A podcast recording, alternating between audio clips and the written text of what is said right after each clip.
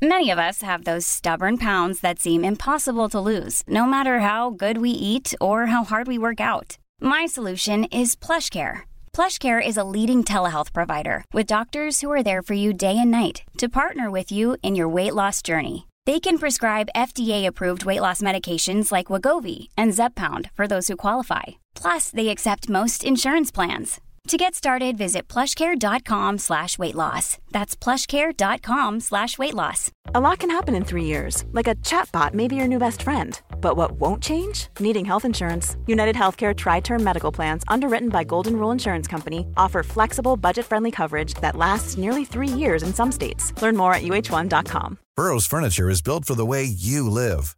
From ensuring easy assembly and disassembly to honoring highly requested new colors for their award winning seating, they always have their customers in mind. Their modular seating is made out of durable materials to last and grow with you. And with Burrow, you always get fast, free shipping. Get up to 60% off during Burrow's Memorial Day sale at burrow.com slash ACAST. That's burrow.com slash ACAST. burrow.com slash ACAST.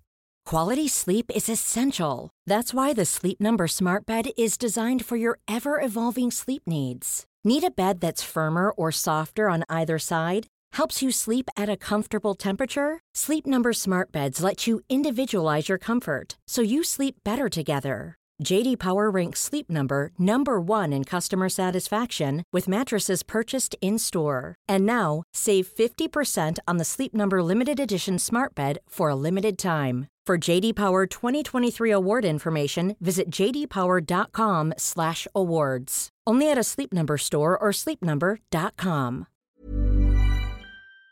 I don't need a lot of brains in this business. I mean, I've always said if you got an IQ of 160, give away 30 points to somebody else because you don't need it in investments. What you do need is emotional stability. Wow. Very first tech IPO, and it's a big one. Stock market hit an all-time record high today. A crash is coming. Now, whether it's six months from now, 12 months, 36 months, no one knows. There's a bear market about every five years. We've gone eight years without one. People have to realize this is the biggest IPO ever.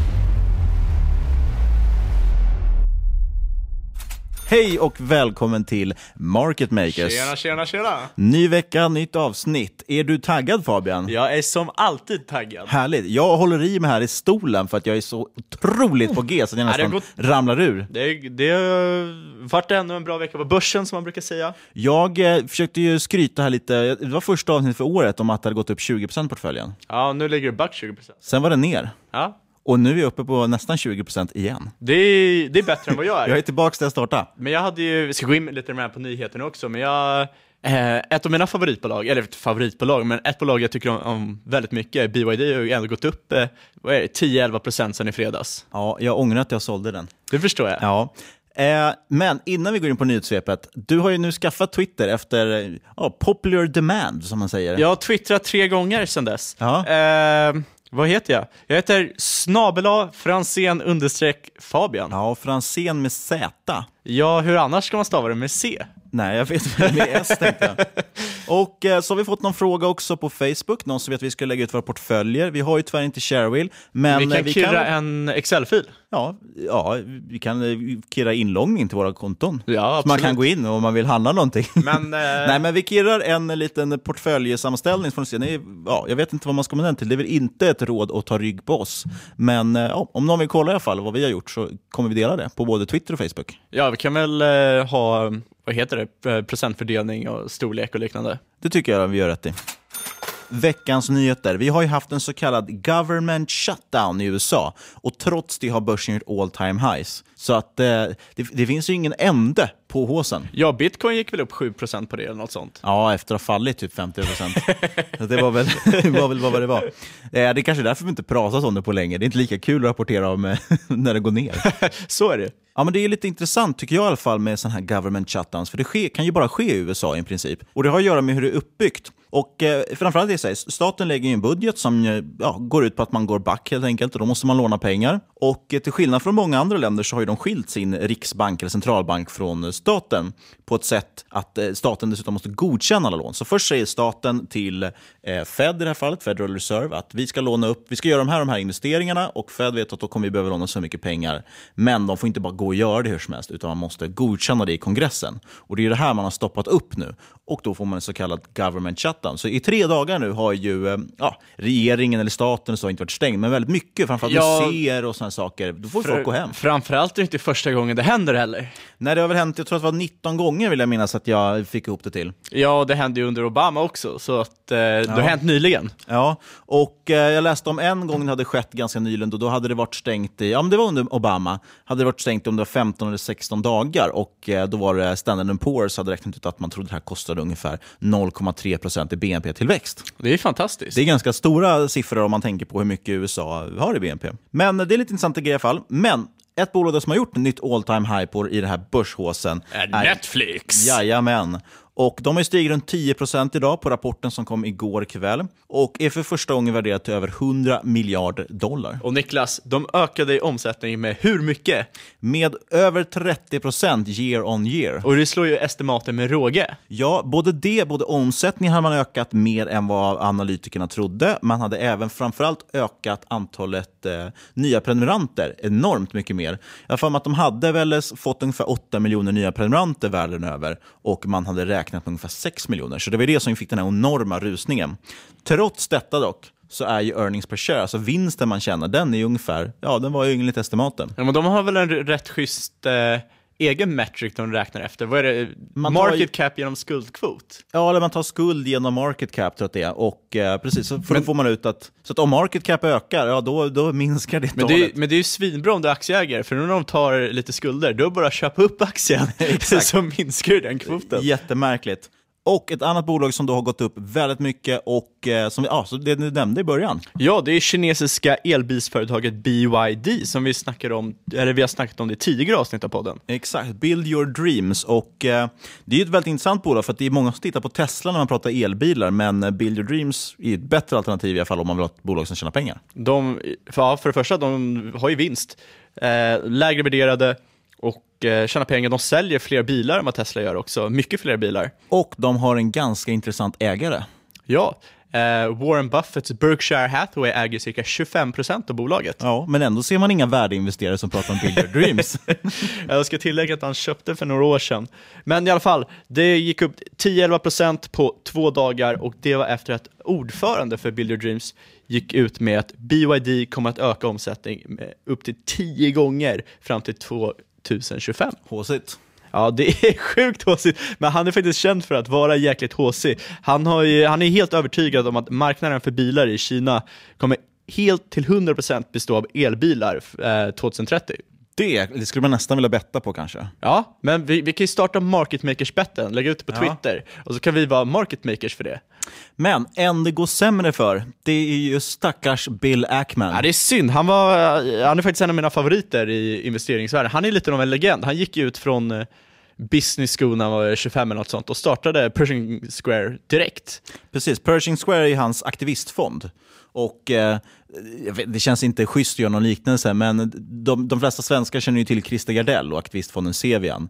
Där man då, ja, stor del av affären går ut på att man går in i bolag, tar en stor ägarandel och försöker driva igenom någon typ av förändring. Fast Bill Ackman har väl mer gjort sig känd just för att han har gjort stora blankningscase. Ja. Det är kanske inte alla case han har gjort, eller? Nej, men han blev mest känd för eh, sitt stora blankningscase i eh, Herbalife. Ja, precis. Den finns det ju faktiskt, det kan vi verkligen rekommendera. Det finns en sjukt spännande dokumentär på just Netflix också, så får de en till prenumerant, eh, som heter Betting on Zero. Den handlar just om ja, men Bill Ackmans blankningscase för Herbalife. Och eh, Sjukt intressant, och Carly Kahn är med på ett hörn också och går emot Ja, honom. men. Carly Kahn, han hatar Bill Ackman. Men det, det är alltså, det, Herbalife det är ett helt sjukt bolag, för det är ett pyramidspel. Och det, ja, är, det är får man egentligen säga inte emot. säga i juridisk mening då. Okej, det är det- multilevel marketing. Okej, vi säger så här, det, om det är någon som lyssnar som jurist, det här är inte ett pyramidspel, det är multi, multilayered marketing. Multilevel marketing. Mul, multilevel Precis marketing. som eh, svenska börsnoterade Oriflame. Ja, men... Eh, fan Niklas. men i alla fall, det, kolla den dokumentären. och det finns hög sannolikhet att eh, ni också skulle börja gå short Herbalife. Men det vi ville ko komma till är att eh, Pershing Square ska nu göra nedskärningar och eh, de kapar ju en femtedel av all personal. Ja, och han ska även försöka tona ner på sin liksom, publika persona. Jag vet inte hur det ska spara pengar, men det är i alla fall också en grej de gick ut med. Nej, men det har ju varit mycket att han har gått ut i media väldigt mycket när han, han gick short. Han gick ju short i Herbalife eh, första gången 2012. Och eh, han gick in med, eh, han gick kort en miljard dollar.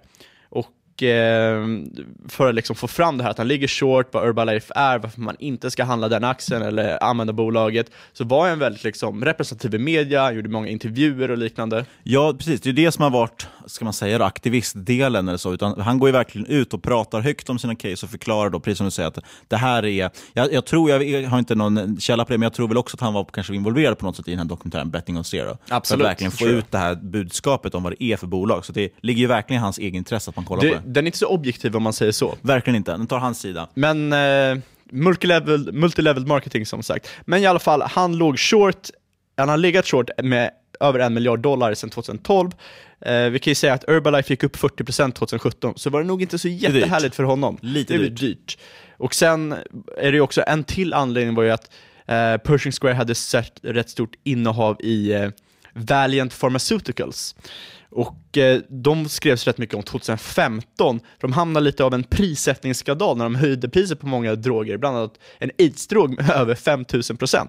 Och eh, sen blev de även anklagade för att manipulera sin redovisning och det fick aktien att sjunka 90% under ett år. Och, eh, Där borde han legat kort. han borde lägga kort, eh, vi kan säga Ackman och Pershing, eh, Pershing Square, de gick ju back 3 miljarder dollar på det.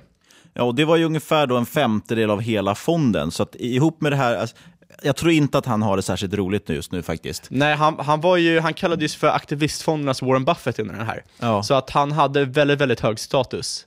Verkligen. Och nu har hans fond då gett negativ avkastning tre år i rad. Och nu, ja, han försöker få rätt sig på det. Det var en liten lång utsvävning om det, men Bill Ackman är en jäkligt spännande figur. Jag tycker man ska kolla på en dokumentär man ska läsa lite om Bill Ackman om man är intresserad av finans. Han är en cool dude. Och en annan cool snubbe, är ju, eller snubbar, är ju Morgan och Stanley som eh, driver, äh, startade banken Morgan Stanley. Barnbarn till JP Morgan faktiskt. Ja. Vilket är rätt kul som är konkurrerande bank. Exakt. Men det var, inte, det var inte släktforskning vi skulle ägna oss åt, utan det jag vill bara säga att de säger i en ny rapport nu att eh, vi är i the late cycle euphoria stage. Och det är jäkligt intressant ändå. Det är många som kallar toppen på börsen just nu. Och de menar på, det de menar med det här är ju att vi är antagligen i sista steget nu i cykeln där det blir eufori, att folk bara köper allt, allt går upp som en galning. Liksom, och eh, ja, Det ser ju ut så, framförallt på amerikanska börsen också. Det är nya all time highs på nya all time highs. Ja, förutom Ray Dalio som eh, han anser att börsen inte är övervärderad om man kollar på andra instrument. Ja, det finns ju några sådana också, men det känns överlag som att sentiment är mycket att Överlag, det känns som det är konsensus just nu att ja, men, börsen är övervärderad, börsen kommer sjunka, eller kommer, liksom, kommer krascha snart, men tills dess kommer det vara fest. Och eh, en annan då, jag tyckte bara tänkte nämna också, eh, det finns en fond som heter Gluskin Chef. Och eh, de har ju nu i ett ganska nyligen marknadskommentar noterat 10 Schysst indikatorer. fondnamn för övrigt. Ja, de har liksom skrivit ner tio indikatorer som de tycker påminner om bland annat 1999 och eh, 2006, alltså år innan då det föll. Några av dem som är intressanta det är ju att det vi har ju full sysselsättning. Ja. Det ser vi i stora delar av Europa och USA. Så det går i princip inte att få lägre arbetslöshet. Vi har den lägsta sparräntan på ett årtionde. Och det vet man vem man än pratar med så är folk galna. Framförallt folk som är lite äldre blir ju galna på att så det, det går inte att ha pengar på ett sparkonto. Du får ju inga pengar för det. Ja, vi har inte bara lägsta sparräntan på ett årtionde, vi har lägsta sparräntan någonsin i historien. Så kan man också, men, men han jämförde ju med 1999 och 2006 och då hade vi också eh, väldigt låg sparränta. Ja, absolut. Eh, sen har man då bland annat extremt högt förtroende bland konsumenter och det brukar ju vara liksom en laggande indikator. Det vill säga att när börsen har gått upp eller det går väldigt bra för industrier, då tycker folk att ah, nu känns det som att det går jättebra. Men som sagt, den laggar ju liksom efter. Eh, man har väldigt höga P-multiplar, vi har en ma boom det ser man ju verkligen. Alltså att, eh, Företag köper och köper upp eh, andra företag. Exakt, det är och även mycket styckningar och man delar ut delar av bolag. och Det är, det är mycket aktiviteter för att man antingen slår ihop eller styckar bolag. Och det är ju för att det är så jäkla billigt att göra. Och, men det som kanske är mest intressant då är ju såklart hans råd. Och hans råd var då, tyckte han att han skulle investera mer globalt. Nämnde bland annat just Japan som underräkt och det pratade vi om förra avsnittet. Yes, och vi ska även ha en, eh, en podd om det. Och eh, oj, faktiskt mitt första Twitterinlägg handlade om intressanta företag i Japan. det, Så hopp- hoppa gå in och- in och följ mig där. Och eh, Fokus var också på bolag såklart med stark balansräkning, kvalitet, vinster samt utdelningstillväxt. Och eh, Det skulle kunna vara bolag exempel som Investor som rapporterar här dagarna och höjde sin utdelning för åttonde året i rad. Ja, men det brukar väl vara favoriten bland eh, utdelningsaktier bland många utdelningsinvesterare. Investor känns ju som ett eh, klart, liksom, ska man säga, inom citationstecken säker case. Jag, på de här nivåerna har jag ingen aning, men det är ju alltid så som känns som varje gång det De- går ner de- så ska du köpa. De, ja, så är det. De äger ju väldigt mycket industri, industribolag och industribolagen brukar ju alltid toppa ur på toppen av en cykel. Exakt, så det kan vara ett eh, väldigt intressant case om vi skulle få en större sättning på börsen tycker jag. Ja, men absolut, då är det ju själv, lite självklart. Bara, framförallt är det de här eh, softa värderingarna som styrelsen. Exakt. Eh, det är ju Wallenberg och eh, de tenderar ju att sköta sina bolag väldigt bra. Sen har Mifid 2, som vi pratat om lite grann, de här nya EU-reglerna för finansmarknader och banker, lett till att vi i Sverige inte förhandlar ETFer.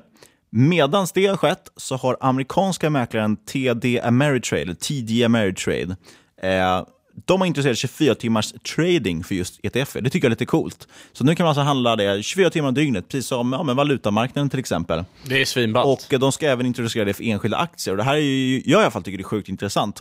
Om det här är något som skulle kunna spridas till exempel till Europa eller Sverige. Så vad, vad gör man då? För då har man helt plötsligt inga heliga timmar där man kan rapportera eller lägga ut nyheter som kommer påverka kursen. För det är ju därför man lägger rapporter utanför börstid oftast. För att man ska hinna läsa den. jag, jag tycker det är sjukt. Jag följer kryptomarknaden rätt mycket och det är väldigt intressant att se hur, eh, hur marknaden skiljer sig, bara det när man går och lägger sig när man vaknar. Mm. Och framförallt helgerna va? Ja, bara helgerna också, men det är liksom när du går och lägger dig, då lägger sig Europa, då vaknar Asien och sen vaknar USA. Ja, man ser ju stora skillnader. Men just det här med helgen tycker jag är intressant, för jag kan tänka mig att det är många som då handlar där som är ja, men hobbysparare. Liksom. Och de har inte tid på dagarna för att de jobbar och på helgerna sitter de kanske mer och handlar aktivt. Så att det brukar alltid ske väldigt stora rörelser på helgen. Ja, det var en kort liten grej. Och sist men inte minst så är det ju nu ungefär ett år efter att Amazon presenterade sin kassalösa butik så ska den äntligen lanseras. Och Den kallades för Amazon Go och det är en sjukt cool lösning. De har ju satt upp massa kameror i butiken, säkert andra sensorer och så har de då maskininlärning AI som gör att de känner igen dig, vilket är lite obehagligt. Och De ser vad du plockar ner för vara från eh, hyllan och kan redan där registrera att du har köpt en mjölk till exempel. Sen har du ingen kö, ingen kassa, ingenting. Du bara går ut och det blippas och dras från ditt kort. Liksom. Sjukt cool idé. Och nu när de har köpt då hela Whole Foods så, så här, ska de introducera det här, det är otroligt mycket jobb som kommer försvinna. Det tror jag inte kommer vara bra för Amazons, ja, synen på Amazon i amerikanska ögon. Till. Nej, men det är så, det den här synen man har på de här stora techgiganterna och Silicon Valley rent allmänhet börjar ju skifta känns det som.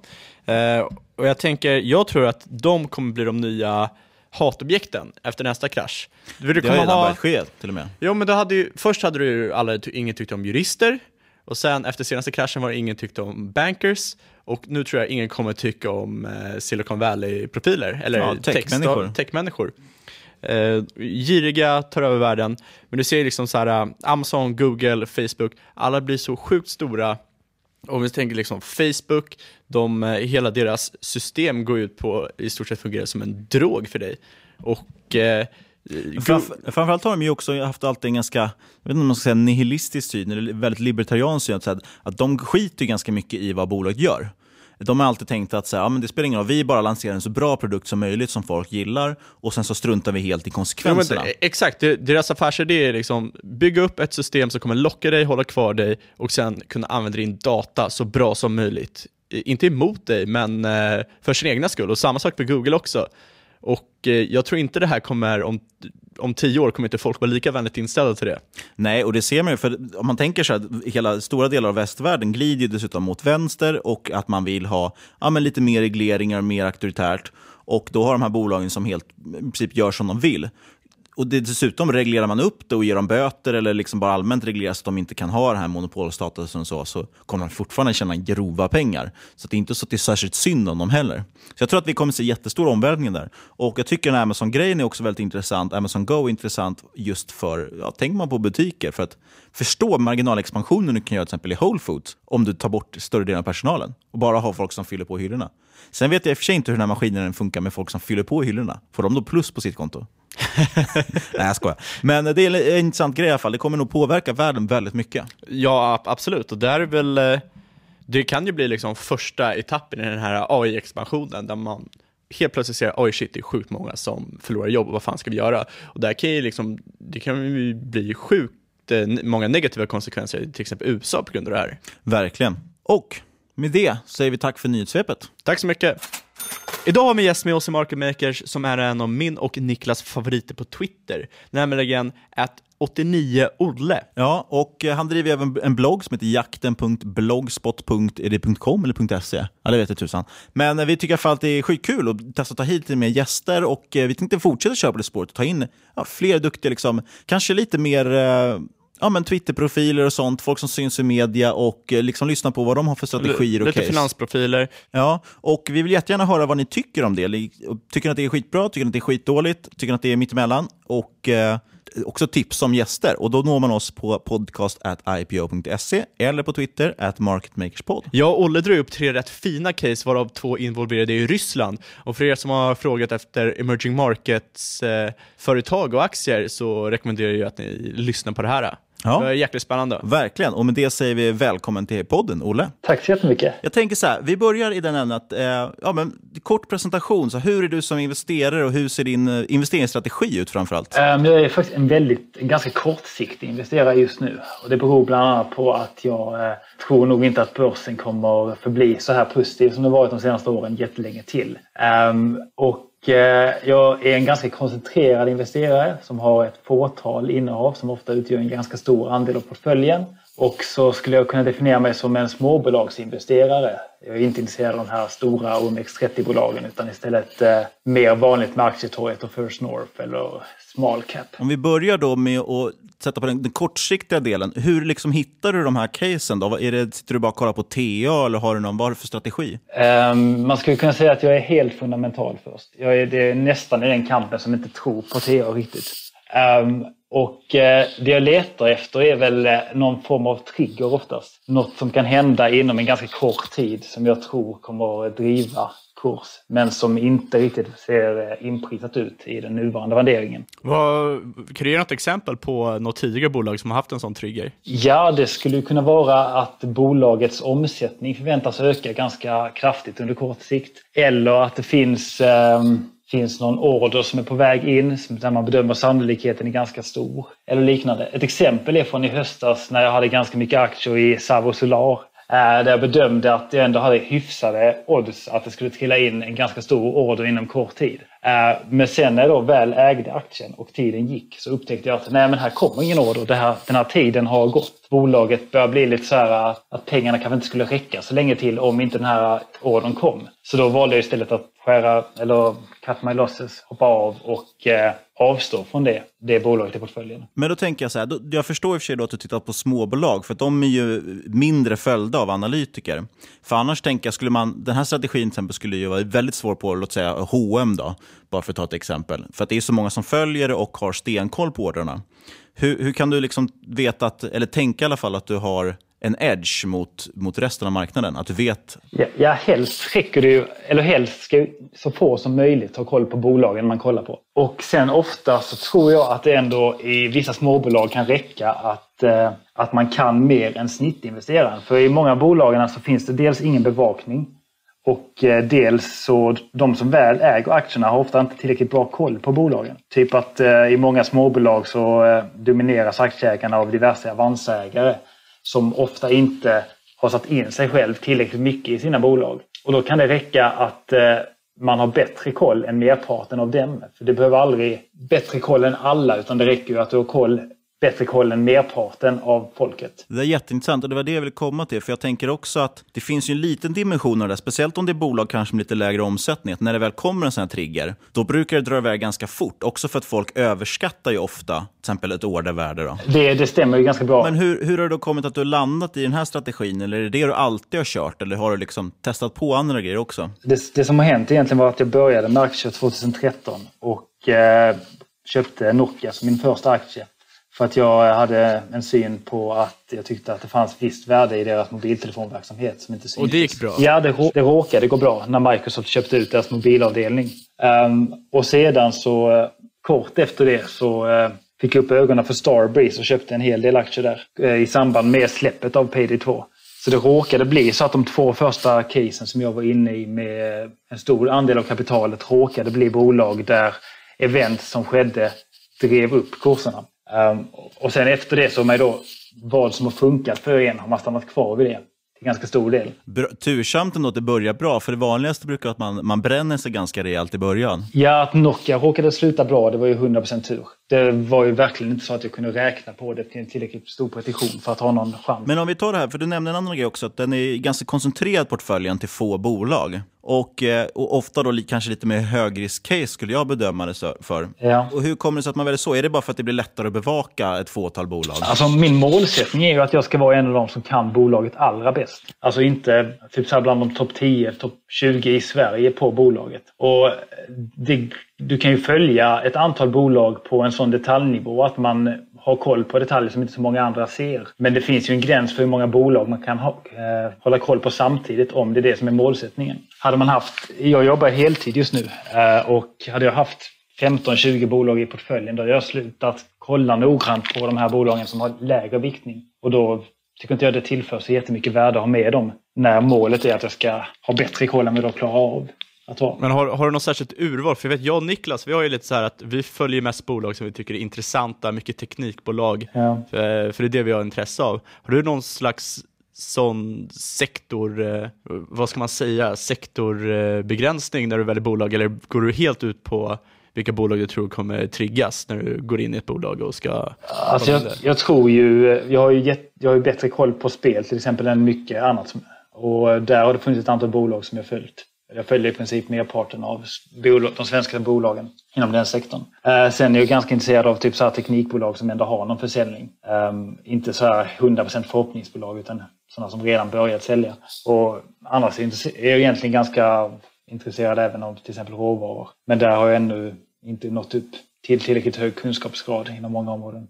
Råvaror är ju verkligen, där är man ju inte i topp, tänker jag. För det är en extremt stor analytikerkår som följer olika råvaror. Sen kan det ju vara enskilda bolag såklart som är lite lättare att få, få koll på. Ja, alltså själv, själva råvaruprissättningen tror inte jag man är lönt att kolla på som småsparare. Eh, Jag tänkte säga också, eh, du bloggade ju ganska nyligen om eh, dina favoritböcker 2017. Så tänkte jag kolla, vilka, vilka finansböcker gillar du mest? Vilka har format dig till en bättre investerare? Ja, alltså de böckerna som jag har tyckt allra mest om att läsa, det är egentligen eh, ofta böcker som inte varit direkta finansböcker. Here's a cool fact a crocodile can't stick out its tongue. Another cool fact you can get short term health insurance for a month or just under a year in some states. United Healthcare short term insurance plans are designed for people who are between jobs, coming off their parents' plan, or turning a side hustle into a full time gig. Underwritten by Golden Rule Insurance Company, they offer flexible, budget friendly coverage with access to a nationwide network of doctors and hospitals. Get more cool facts about United Healthcare short term plans at uh1.com. Hiring for your small business? If you're not looking for professionals on LinkedIn, you're looking in the wrong place. That's like looking for your car keys in a fish tank.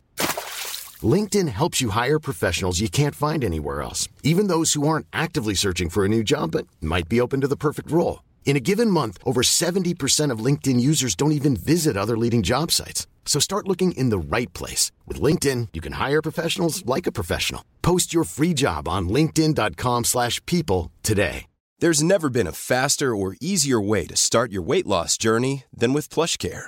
PlushCare accepts most insurance plans and gives you online access to board-certified physicians who can prescribe FDA-approved weight loss medications like Wigovi and Zepbound for those who qualify.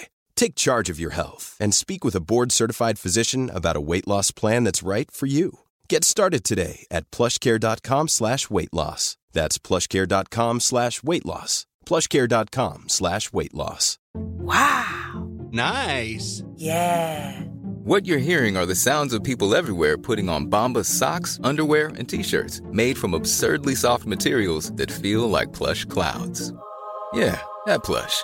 And the best part? For every item you purchase, Bombas donates another to someone facing homelessness. Bombas. Big comfort for everyone. Go to bombas.com slash ACAST and use code ACAST for 20% off your first purchase. That's bombas.com slash ACAST. Code ACAST. Burrow's furniture is built for the way you live. From ensuring easy assembly and disassembly to honoring highly requested new colors for their award-winning seating, they always have their customers in mind. Their modular seating is made out of durable materials to last and grow with you.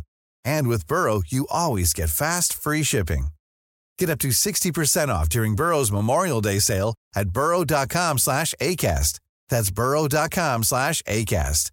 burrow.com slash ACAST. Utan snarare kopplat till psykologi runt finans. Um, och där är det till exempel eh, Talebs böcker som jag tyckt väldigt mycket om att läsa och läst om ett par gånger. Um, bland vanliga börs, mer börskopplade böcker så är till exempel uh, The Most Important Thing jättebra. Och den läste om ett par gånger också. Jag har faktiskt inte läst. Vad, eh, vad, vad går den in på? Alltså den går egentligen ut på att det finns väldigt många grejer som man borde titta på som är jätteviktiga att se på. Och boken går egentligen igenom sak efter sak och eh, trycker, trycker på varför det här är något som är viktigt att kolla på när man kollar på bolag. Och det blir inte så här äh, bara siffror utan det är snarare mer ja, men hur, hur, fungerar det med ledningen? Vad finns det för risker här och vad är motsen? Och, det, alltså mer åt det hållet. Så fundamentalanalys som inte är helt sifferbaserad utan mycket fokus på äh, mer mjuka faktorer också. Det är intressant. Vi pratade lite om det faktiskt i förra podden. pratade vi om Evolution Gaming och Net Entertainment. Ja. Om just den grejen. Det är ett ganska bra exempel på det. Att man har två stycken som många jämför i alla fall som peers. Så att de är lika. Men det ena värderas till premie och det andra värderas till rabatt i princip. Och det beror ju framförallt på att just ledning och sådana saker. Det är ett bättre skött företag. Och det tycker jag det är många investerare som glömmer bort det faktiskt. Att man bara screenar på, på fundamenta men glömmer det mjuka också. Ja, men samtidigt känns det som många, de skiter i hård eh, hårdvalutor, om man ska säga, de hårda siffrorna och säger bara att de kollar på fundamentan och det slutar med att de sitter och kollar på ah, men vilken skola har eh, vdn gått på. Och det spelar ingen roll egentligen. Nej, det får jag... Förstår, förstår, förstår, eller förstår ni vad jag menar? Ja, ja. Jag lägger lite för stor liksom, vikt i vad liksom, vdn är, vad de har gjort tidigare, inte lika mycket på vad de ska göra eller vad företaget har möjlighet att leda sig till? Liksom, hur kommer marknaden växa? Ja, det, alltså det, det, det, blir ju väldigt konstigt oavsett om man väljer det ena eller det andra här. Utan du får ju såklart kolla på båda. Det, det värsta blir nästan folk som helt och hållet fokuserar på de mjukare grejerna och sen så plötsligt så ignorerar man helt värdering för att det här är liksom bra bolag med bra ledare. Men och så köps bolag till oavsett vilken värdering de står på i princip. Det är lite som om man tänker på, på Amazon just nu som eh, väldigt mycket prisas in på att de har en extremt bra ledning. Ja. Eller Netflix som stack iväg 10% idag. Trots, ja, att man, price man to ökar perfection. sin, ja, trots att man ökar upp sin skuld hela tiden och inte ökar sin vinst. Jag tycker ändå det är ganska stor skillnad mellan Netflix och Amazon där. För i Amazon-fallet känns det som att de, det är ju det som många säger som investerar i bolaget, att de mer eller mindre när som helst kan koppla på och börja gå med vinst. Ganska stora vinster till och med. Ja, så är det. Och framförallt har de deras molntjänst, är det som är riktigt lönsamt och den växer ju också. Ja, det st största grejen, största risken i Amazon, det är väl eh, att de ska få någon så här uh, monopol, uh, monopolgrej av EU eller av amerikanska staten. Ja, precis. Det som man sett på både Facebook och Alphabet. Ja, ja exakt. Men uh, inför 2018, du nämnde att du var lite pessimistisk i börsen. Hur ligger du liksom positionerad och vad, vad går tankarna om börsen generellt? Alltså jag, är, jag befinner mig typ hela tiden i ett uh, sinnesstämning där jag, jag, jag är nog som många andra där. Jag tänker att man borde nog ha ganska mycket likvider vid sidan om. Men i själva verket så slutar det ändå med att man har i princip är helt investerad i diverse bolag. det känner jag igen. Uh, och uh, det, det är så här när man kollar på så här sentiment så är det ungefär det som också avspeglas i många andra. Alla är ganska skeptiska till börsen egentligen, fast väldigt få agerar på det, även bland större spelare. Man vill ju inte missa heller de uppgångar, för det brukar ju vara i slutskedet som det drar iväg som bäst. Ja, exakt. Nej, men sen är det också det som vi har återupprepat gång på gång i podden, känns det som. Men det är ju så sjuk likviditet som ska in, liksom, den ska in någonstans de flesta vill inte bara ha det i cash. Och det är i alla fall någon typ av eh, tro på att börsen kan fortsätta uppåt. Ja, alltså framförallt så, så på väldigt kort sikt så blir ju cash, cashkostnaden lite högre än när man ser alla andra människor och bolag dra varje dag i princip. Man borde egentligen inte bry sig om sånt. Men om man jämför med, ifall allt annat varit lika, det varit ganska lugnt på börserna och, och väldigt få bolag gick, gjorde fina uppgångar, så kanske det varit lättare mentalt att ligga i cash en större del. Ja, det blir ju konstigt nog. Någonstans blir det som en mental alternativkostnad, fast det inte är det. Det är ju utebliven vinst egentligen för när man står utanför marknaden. Men jag kan ibland komma på mig själv tänka på det som en alternativkostnad. Om jag, om jag behåller de här pengarna i handen nu, då kommer jag inte kunna få den här fantastiska avkastningen på dem. Vilket är Fast, sjukt risktänk. Jag, jag hörde något bra. Det var väl eh, något år sedan att, eh, kommer inte ihåg vem det var som sa det, men sitter du i cash, det är som en call-option för att köpa i framtiden. Och det tyckte, det tyckte jag var rätt bra. Ja. För då får du ju möjligheten att köpa till ett billigare pris. Jag brukar säga att om man har cash, då är man kort guld. ja, det är också ett sätt att se det. Eller väl, om, man, om man ser från dagens datum och tänker så måste man typ så göra någon form av gissning på vilken avkastning man kan få. Så det får ju vara någon form av avgörande grej för om man vill äga på börsen eller inte. Eller om man vill ha pengarna i cash. Och tänker man att man får någon indexlik avkastning på kanske runt 8 procent. Då, då känner inte jag att jag skulle vilja äga någonting just nu. Men har man däremot högre förväntningar baserat på hur det gått tidigare så kan det finnas anledningar att äga under en kort period. För då blir inte en eventuell nedgång lika stor i relation till alternativkostnaden att stå utanför. För det är ju fortfarande en väldigt positiv småbolagsperiod. Och så länge den fortsätter så finns det ju anledning att tro att även småbolag som man själv råkat välja ibland kommer att ger, ger bra resultat. Liksom. Vi hade ju faktiskt någon lång utläggning om det där för något avsnitt sen just med risk-reward. Ja. Just att eftersom risken är ju ganska stor om du köper index eller köper storbolagen. Och då måste du nästan, om, om du då vill ligga investerad, precis som du säger, så måste man ju kompensera med att reward har möjlighet att vara väldigt mycket större. Jag antar man att det kommer bli en typ 15 avkastning per år av att eh, äga index just nu. De kommande typ 3-4 åren så räcker det med en sättning på 40 procent någon gång runt 2021 för att man ska sluta på minus. Och sannolikheten för det är ju rätt enorm. Ja, det känns ju inte som att man vill göra det. Och när man snackar med människor som tidigare inte investerat i börsen och sådär så är ju min tanke bara att nej, men ni kanske ska vänta och läsa på under två års tid innan man köper någonting. Ja, men det blir ju alltid, det är ju fear of missing out också som man märker. Men hur skiljer sig liksom, hur gick tankarna inför 2017 då jämfört med 2018 tänker jag? Är det någonting som har förändrats i, i grundsynen? Alltså det hemska det är ju att man i mer eller mindre alltid befinner sig i något liknande state där man tror att eh, det är någon form av kris på gång. Och där man tror att det är bra att ha jättemycket cash. Och jag har känt det sedan jag började med börsen. Så inför typ förra året så sa jag att jag skulle vara glad om jag fick 10% Och något liknande kände jag inför årsskiftet i år. Bara det att januari har varit kaos och eh, att man nu behövt revidera om. Ja, men jag, känt så här, jag har känt likadant och det har ju varit några eh, år. Jag vet Niklas, du har ju känt likadant också. Bara, ah, nu smäller det. Nu, eh, nu har vi nått toppnivåerna. Men, men så når man aldrig de toppnivåerna utan det fortsätter bara ticka på. Och därför jag tror att det, det kan ju vara det, speciellt när det kommer till nya investerare. Jag kan tänka mig att det är lite farligt att säga att de, de ska ligga helt ute. För då går de ju potentiellt miste om de här fantastiska avkastningarna som vi har gjort senaste fem åren. Det man alltid vill, tänker jag i alla fall, eller som jag pratar med många om som är nya, är just att det är många som har läst på någon blogg någonstans att eh, index i snitt avkastar typ 7-8 och många då som tar det som någon slags naturlag. Och det är väl egentligen det jag ser som problemet. Att man tror att det bara kan gå upp. Men verkligheten är att vissa år går det ner extremt mycket och vissa år går det upp väldigt mycket. Sannolikheten för att man tar ett år när det går upp väldigt mycket, eller snarare en, en följd, som du sa fram till 2021 till exempel. Sannolikheten att det fortsätter gå upp tills dess är ju extremt liten. Ja, jag håller med. Jag, alltså sen tycker jag det är, det är något värre ofta också att just nu i alla fall att, eh, att satsa på Sverige på en, med en sån tidshorisont, kanske fyra års sikt. För det känns som att det finns ju alla riskerna globalt och sen så är det ju inte så att läget ser stabilare ut i Sverige. Jag tänker att Sverige kan vara mer räntekänsligt än många andra ställen.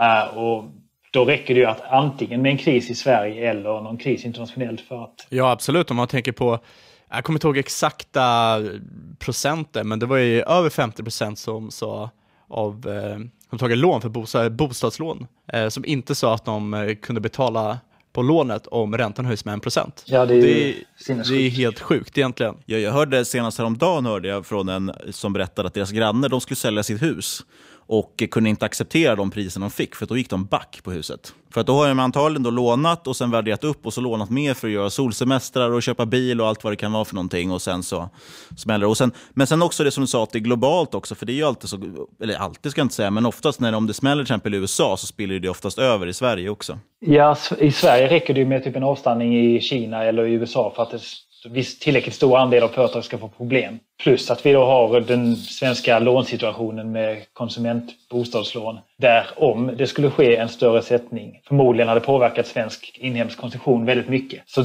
det vi i vissa länder, USA, ja men då, då har man inte, det går ju fortfarande illa om USA går dåligt. Men det känns som att Sverige tar risk mot ett område mer jämfört med många andra ställen. Framförallt eftersom vi inte haft någon större sättning på länge heller. Ja, alltså jag, jag kan tänka mig Kanada står ju jävligt risk i deras bostads, eh, bostadsbubbla. Det är väl Kanada, Australien, Sverige räknas som de högst varierade bostadsmarknaderna i Ja, världen. Australien Ja. har inte haft en sättning på deras bostadsmarknad på 26 år. Nej, det, det finns ju en sjukare ställen. Men jag tänkte så här, eh, vi pratade ju om det här, dels att du är ganska pessimistisk till det och vi pratade tidigare om att du investerar i småbolag och en del till och med med ganska låg likviditet. Hur går då den kalkylen ihop? För att tänka när det väl blir en sättning eh, så är det ju extra svårt att ta sig ur de bolagen. Eller hur, hur går tankarna kring det? Ja, det stämmer ju såklart. Det är ju eh, ofta som jag känner att jag borde kanske minska ner lite i vissa innehav. Eh, och det sker ju eh, löpande, någon form av ombalans mellan eh, likvider och eh, innehav. Eh, men sen så beror det också på lite på om man tänker att det kommer hända något positivt inom tre månader så kan jag vara redo att ta någon form av risk mot det. Men om det däremot handlar om att jag ska, få 10% avkastning per år i, i ett papper som växer med 8 då hade inte jag kanske velat hålla det pappret med tanke på att jag inte tror att det kommer gå, ta tillräckligt lång tid så att jag får en tillräckligt bra avkastning i det fallet. Så det känns som att jag, jag satsar på kor, mer kortsiktiga bett för att jag inte vill vara beroende av en långsiktig förbättra situationen i bolagen utan att det räcker med att det händer någonting inom en kort tid. Vilket i och för sig också är någon form av sätt att skruva upp risken. Men i det här fallet tror jag det faktiskt kan vara lite mer safe just för mig att inte ha den här långa tidshorisonten just nu. Jag tänker att vi går in då på de tre case som du har just nu, eller som du har tagit med till podden i alla fall. Och eh, först ut då är ju G5. Det är ett bolag vi också har kollat på tidigare. Spel, mobilspelstillverkaren. G5 är väl ett av mina största misstag att jag aldrig gick in i. Ungefär som Apple när det låg på P11 eller 12 för några år sedan. Och hur går? Jag tänker så här, G5 då, för de som inte vet, det har gått över 12, eh, 1200 procent senaste tre åren och det är ju ganska galet. Ja, helt sinnes. Hur, är liksom, hur har varit dina tankar i G5 och hur tänker du på dem framöver? Um, det senaste ett och ett halvt åren så har ju casen, caset varit att deras storsäljare Hidden City har gått från att vara kanske en liten del av deras intäkter till att vara en väldigt dominant del. Eh, och det spelet har då vuxit först på iPad i eh, primärt USA, sedan i västvärlden och sen nu på sista tiden i Asien och på mindre skärmar som Android och eh, iPhone mobiler. Um, ehm, och i G5 från här så finns det egentligen tre stycken möjliga case som kan fortsätta driva värderingen. Och det är dels om Hidden City skulle fortsätta växa även under H1. Ehm, de satte ju, bolaget släppte ju preliminära siffror för eh, Q4 där de sa att de skulle omsätta ungefär 356 miljoner. Eh, och det var i princip helt drivet om tillväxten i Hidden City. Den har igen inte stannat av ännu. Och om man säger att den inte kommer att stanna av heller de kommande tre till sex månaderna så räcker det för att få ner värderingen ganska mycket till attraktiva nivåer. Eh, sen så finns också caset att bolaget i dagsläget mest säljer spel som andra personer har utvecklat. För Hidden City är inte utvecklat av bolaget själva utan av en tredje part. De har ett antal produkter som är nästan färdiga som eh, har funnits ute i App Store och på Google Play ganska länge. Men där man fortfarande inte riktigt har börjat marknadsföra själva spelen. Och eh, ett annat möjligt case är att något av dessa spelen blir tillräckligt bra för att motivera stor marknadsföring. Och då skulle G5 kunna fortsätta växa väldigt bra under eh, hela detta året och även framåt. Fast med produkter med betydligt bättre marginaler. Vi snackar 30 procent. Eh, eller 35 procent bättre. Så jag, jag ser ju att mycket av uppvärderingen redan har skett. Men det som har skett har drivits helt av ökad omsättning. Och skulle de även lyckas öka marginalerna så finns fortfarande mycket uppsida kvar även inför 2018 och 2019. Men så ligger alltså, det är rätt hög risk i eh, då är spelet Hidden City. Om det, om det minskar i popularitet, folk slutar ladda ner, slutar spela det, då torskar det hela bolaget på det.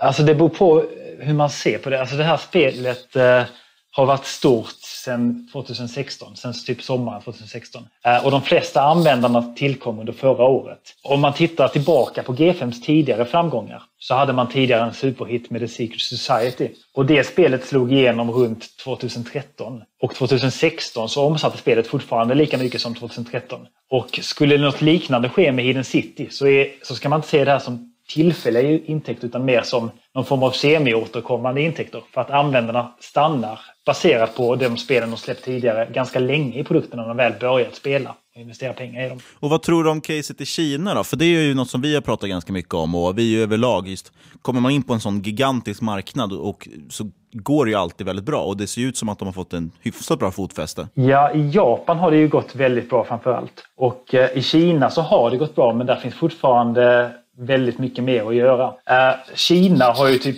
antal Mängden pengar som appar, eller mängden pengar som användare spenderar i appar i Kina har vuxit med typ 270 procent de senaste åren.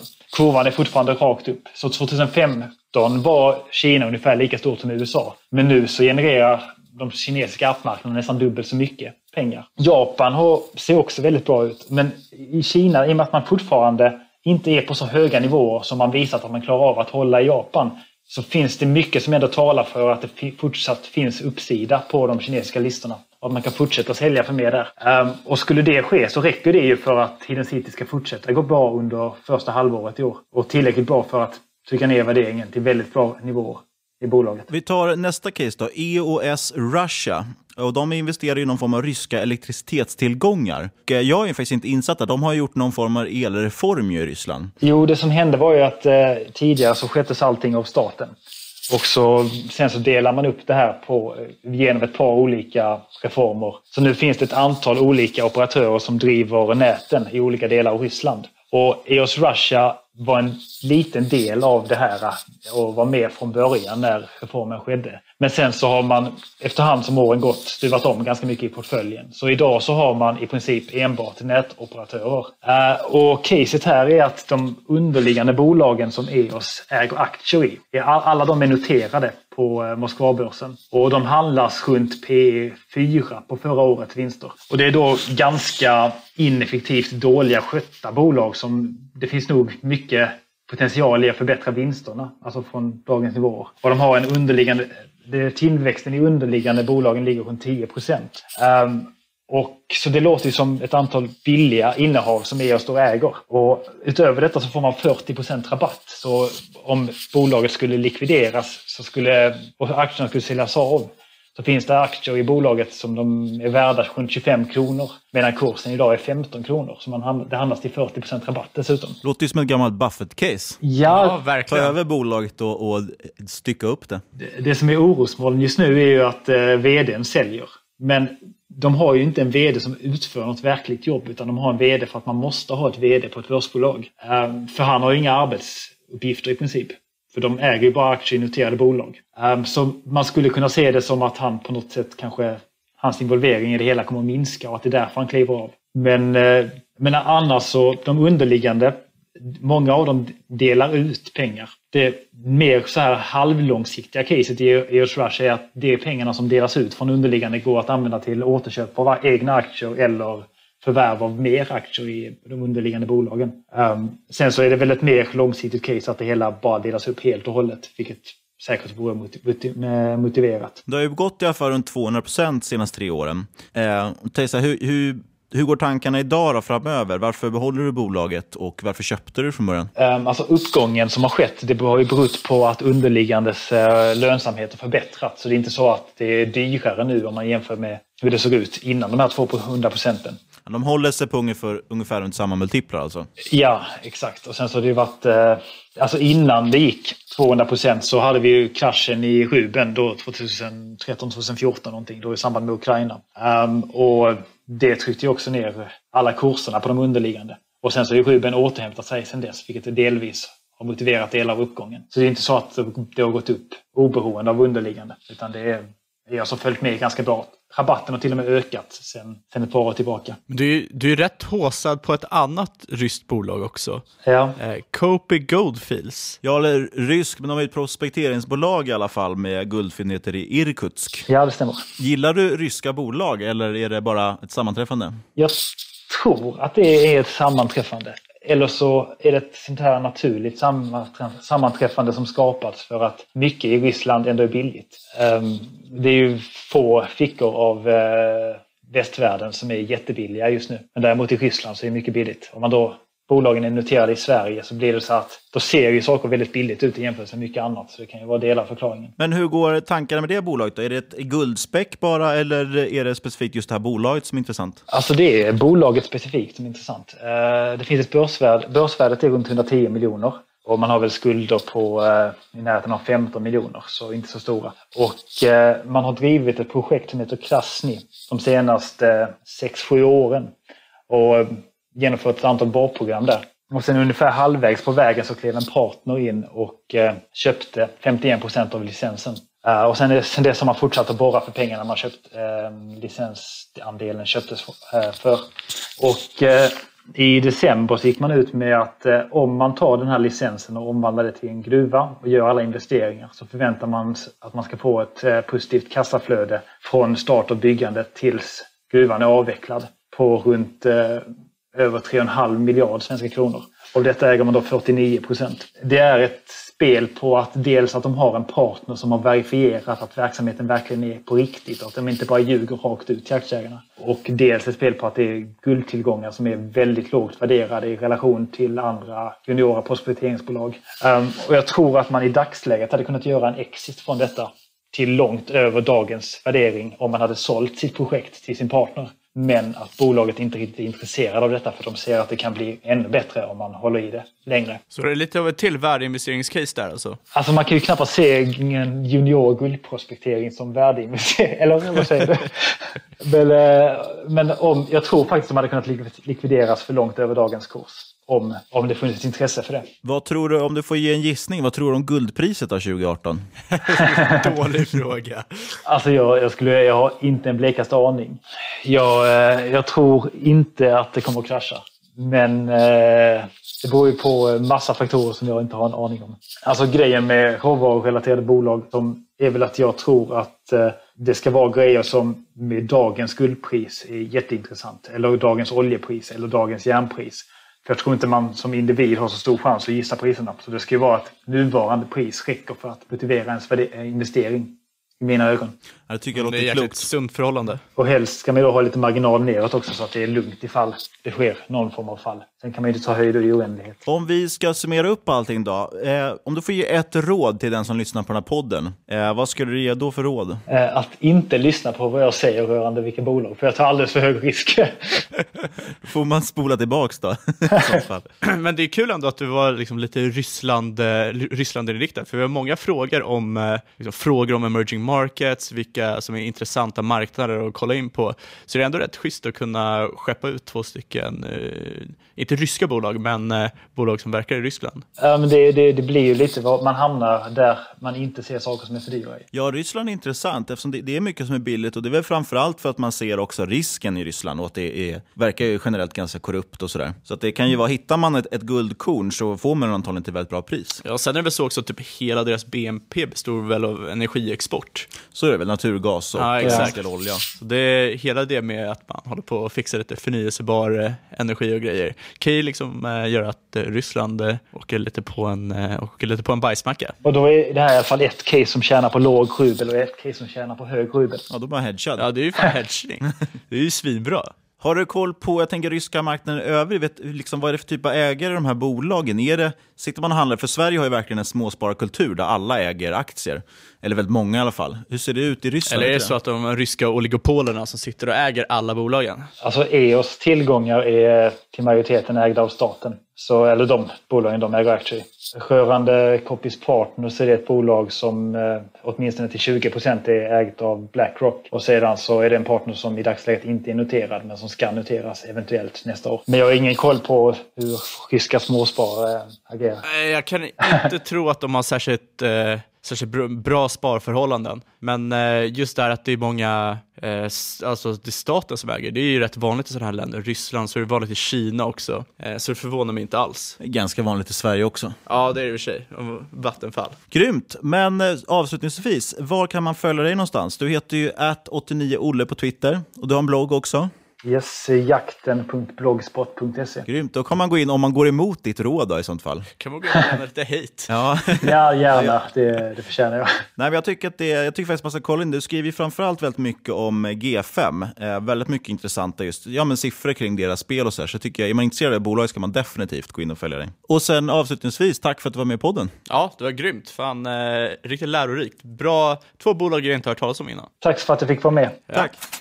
Stort tack till dig som har lyssnat på ännu ett avsnitt av Market Makers. Och det vore kul att höra vad ni tycker om den här intervjun och eh, om ni har förslag på fler gäster som sagt. Och eh, kontakta oss gärna på podcast.ipo.se eller på Twitter at marketmakerspod. Jag tycker att det är sjukt intressant att höra olika investerares, eh, ja, men vad de har för strategier och hur de tänker. Och det är liksom, där med case slänger vi in som en liten, delvis som en liten krydda för att många tycker att det är kul liksom, att höra specifika case. Men också just för att höra så här, resonemanget. Hur, varför har de tagit in det här bolaget? Och, för mig är det i alla fall sjukt lärorikt att höra hur folk tänker. Absolut, om att det bygger på hans egna världsperspektiv och eh, förhoppningsvis eh, för dig som lyssnar också har ju ett värde i det. Och som vanligt, vi, podden produceras ju av IPO.se, så stort tack till dem. Glöm nu inte att gå in och följa nykomlingen på Twitter, Franzén at Fab, nej, Franzéns understreck Fabian. Och sist men absolut inte minst, tack för att du har lyssnat. Vi hörs om en vecka.